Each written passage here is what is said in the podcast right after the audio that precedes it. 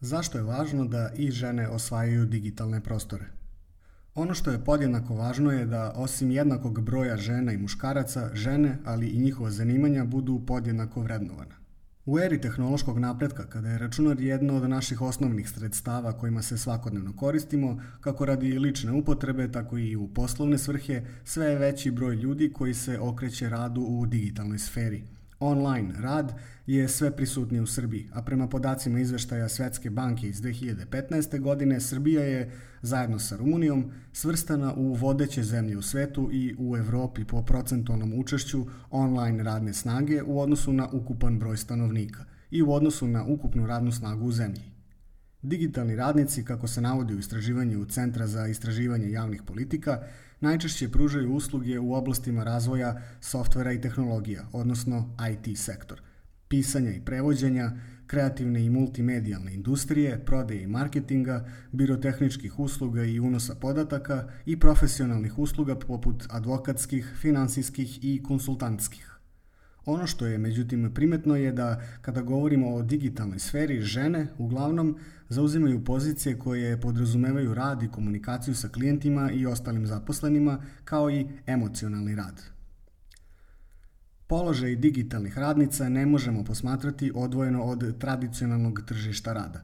Uprkos tome što na IT industriju i platformski rad možemo gledati kao na relativno novija zanimanja koja prate napredak tehnologije, Pravila igre na polju tržišta rada ostaju slična, ako ne i ista. Kako se navodi u istraživanju položaj žena u sindikatima u Srbiji udruženja FemPlac, položaj žena u oblasti rada i zapošljavanja u Srbiji je nepovoljan.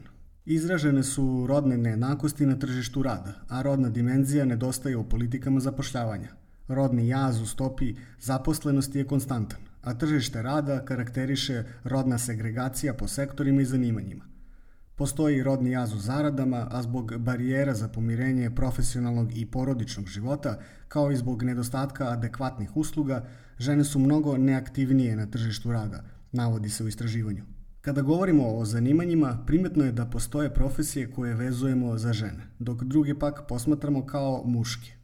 Slađana Jeremić, doktorantkinja na Fakultetu političkih nauka koja se bavi istraživanjem digitalnog ženskog rada, ističe kako veštine žena mnogo više vezujemo za privatnu sferu, emocionalni rad, rad brige i nege, kao i za rutinizirane procese za koje nije potrebna neka kvalifikacija. Posle drugog svetskog rata žene masovnije izlaze na tržište rada.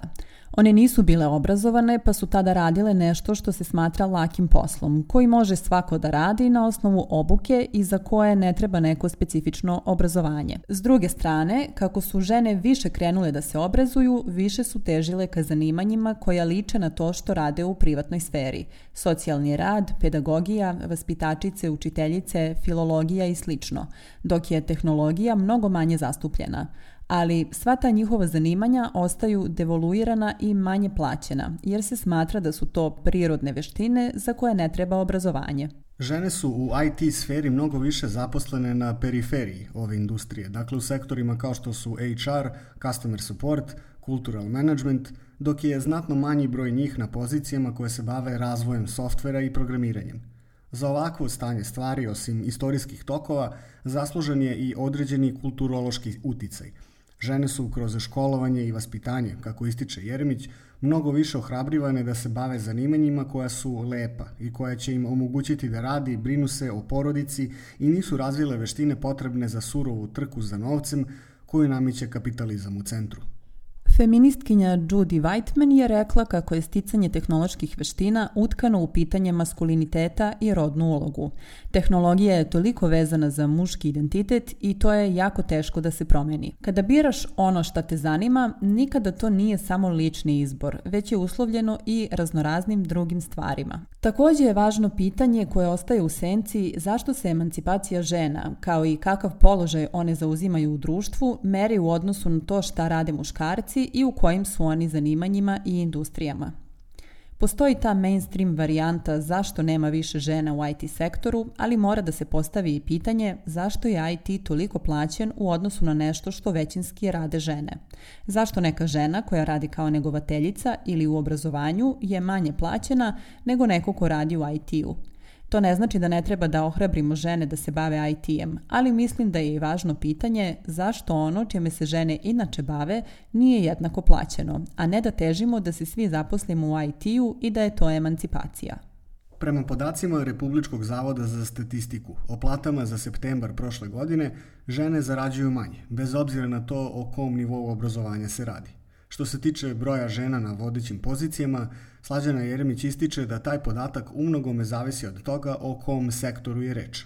Ako govorimo o vodećim pozicijama u HR-u ili customer successu, tu mogu biti žene, ali kada je reč o samim tehnologijama i razvoju softvera, slabo. Pa čak i podaci iz Evropske unije govore da je u okviru visokih pozicija tih tehnoloških zanimanja samo 17% žena, a njihova plata je 20% niža od plate muškaraca za istu poziciju.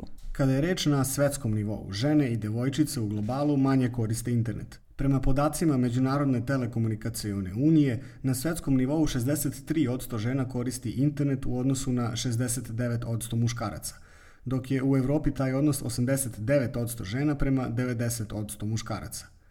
Na prošlogodišnjoj konferenciji Selo na klik koju je organizovalo Ministarstvo trgovine, turizma i telekomunikacija sa Centrom za tranziciju i ljudska prava Spektar u Privrednoj komori Srbije, izneti su podaci da se u Srbiji digitalno pismenim smatra manje od trećine ženskog stanovništva starosti od 30 do 50 godina, dok je u ruralnim sredinama naše zemlje digitalno pismeno tek 27,3% ženske populacije. Ovaj podatak predstavlja ozbiljnu barijeru za veći broj žena na pozicijama u digitalnom okruženju. Rad u online sferi ima svojih benefita kao što je nekada fleksibilno, ali i nestandardno radno vreme, kao što je mogućnost rada noću ili kada zaposlenima odgovara, potom opciju za rad od kuće, usklađivanje drugih obaveza sa poslom i sl. Kako se navodi i u istraživanju Centra za javne politike, digitalni rad u Srbiji nosi predznak koliko toliko dostojanstvenog rada. Danas, kako na svetskom nivou, ali i kod nas, Postoje inicijative koje se zalažu da do 2030. godine broj žena i muškaraca u industrijama bude isti. Kako je i IT jedna od najunosnijih industrija danas, važno je da žene sve više budu uključene i ohrabrivane da budu deo nje. Ipak ono što je podjednako važno je da osim jednakog broja žena i muškaraca, žene ali i njihova zanimanja budu podjednako vrednovana. Posao prevođenja, podučavanja ili ti pak posao u HR-u ili customer supportu nisu ništa manje važni od razvoja softvera, ali ih društvo drugačije vrednuje. Žene u skladu sa svojim ličnim afinitetima, ali i pod uticajem određenih društvenih i kulturoloških okolnosti, većinski zauzimaju određene pozicije u određenim sektorima. To ih ne čini manje vrednima, niti daje legitimitet poslodavcima da budu manje plaćene. Upravo to je, pored ohrabrivanja devojčica da u većem broju postanu deo IT sektora, važan deo emancipacije žena i pitanje koje treba da postavimo a društvo da na njega odgovori. Autorka teksta Marija Todorović. Tekst čitali Ivan Radisavljević i Snežana Katunac. Ilustracije Olga Đelošević. Tekst je dostupan na sajtu Oblakodera u rubrici Lift.